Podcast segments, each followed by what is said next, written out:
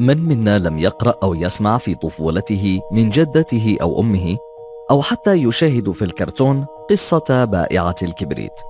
عقلة الإصبع البطة القبيحة الحذاء الأحمر الأميرة وحبة البازلاء وغيرها الكثير من القصص الخلابة التي شكلت جزءا من وعينا الطفولي.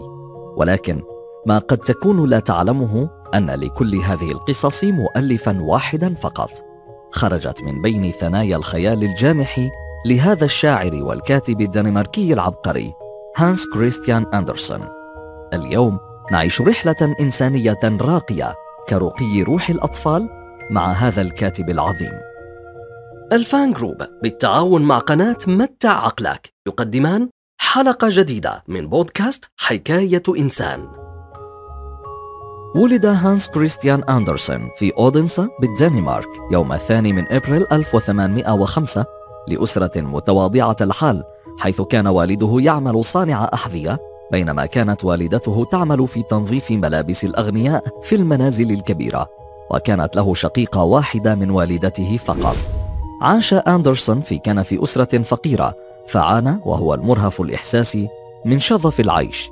كما قام والده على الرغم من بساطته من تقريبه من الأدب وأخذه إلى المسرح على قدر المستطاع كما قرأ عليه عددا من المسرحيات وعلى الرغم من تواضع حال والده إلا أنه كان يهتم بالثقافة والأدب فتعلق الصبي بالفنون منذ صغره فأقام في ركن من الغرفة الوحيدة لأسرته مسرحا للدماء وراح يمضي وقته في محاكاة دماه وتحريكها متخذا منها شخصيات لمسرحه الخيالي الصغير.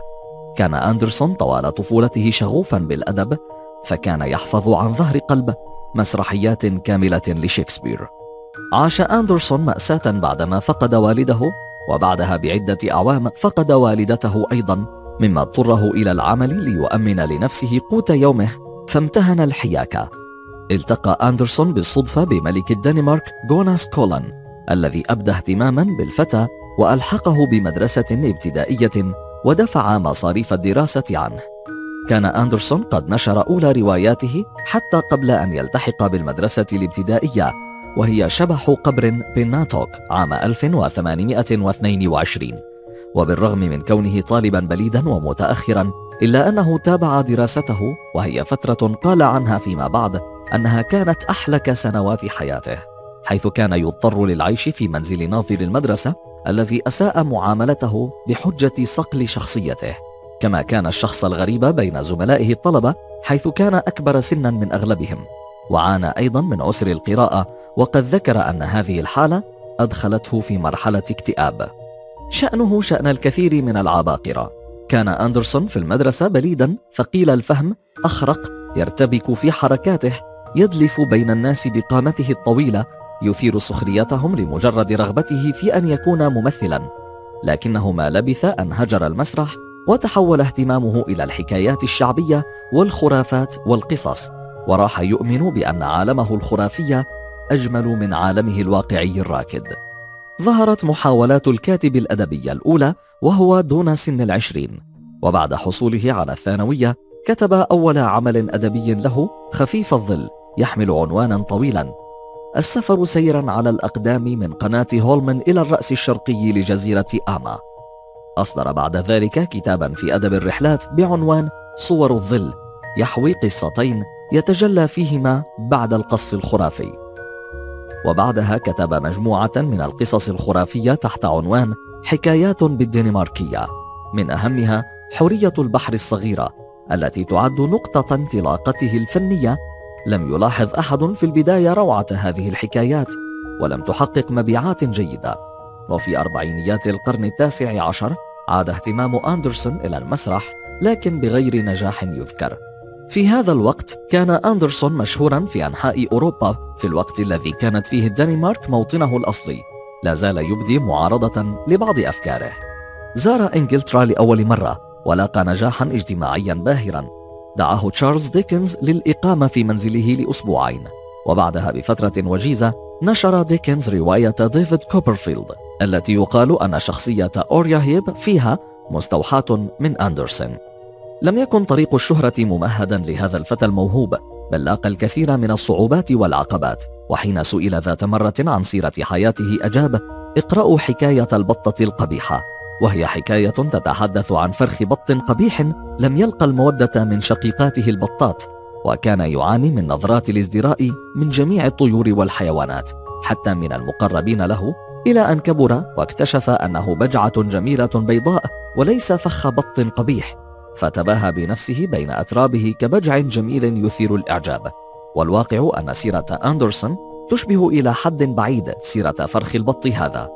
وقد كتب أحد النقاد معلقا لكل مبدع ولكل شاعر حكاية فرخ البط القبيح الخاصة به.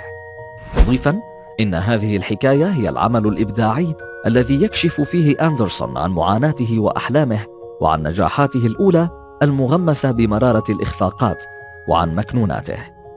استمر أندرسون في نشر المزيد من الأعمال طامحا في أن يصبح روائيا ومسرحيا إلا أنه لم يوفق ومع أنه بدأ يستاء من الحكايات الخرافية التي برع فيها وأثبتت عبقريته إلا أنه واصل كتابتها ونشر منها مجلدين آخرين. توفي في الرابع من أغسطس عام 1875 عن عمر يناهز السبعين عاما بعد أن منح العديد من الأطفال السعادة بمجموعة كتبه الضخمة التي قدمها لهم في شكل سلس جميل حبب القراءة إلى نفوسهم. لم تكن هذه الكتب للتسلية والحكايات الترفيهية فقط ولكن كانت تتضمن الحكمة والمعرفة أيضا. ويبدو أنه ظل حتى نهاية حياته يعتبر نفسه البطة الصغيرة القبيحة. يقول هانس كريستيان أندرسون في معرض توضيحه لفحوى قصصه حكاياتي الخرافية هي للكبار كما هي للصغار في الوقت نفسه. فالأطفال يفهمون السطحية منها بينما الناضجون يتعرفون على مقاصدها ويدركون فحواها وليس هناك إلا مقدار من السذاجة فيها. أما المزاح والدعابة فليست إلا ملحا لها. شاعت حكاياته الخيالية في العالم والتي وصل فيها إجمالي ما كتبه حوالي 168 كتابا وترجمت إلى 150 لغة. وتم تداولها ونشرها في ملايين النسخ بالكثير من بلاد العالم. وتزخر أغلب المكتبات بهذه الكتب الرائعة. إلى اللقاء وحلقة جديدة من حكاية إنسان. تقدم لكم بالتعاون بين الفان جروب وقناة متع عقلك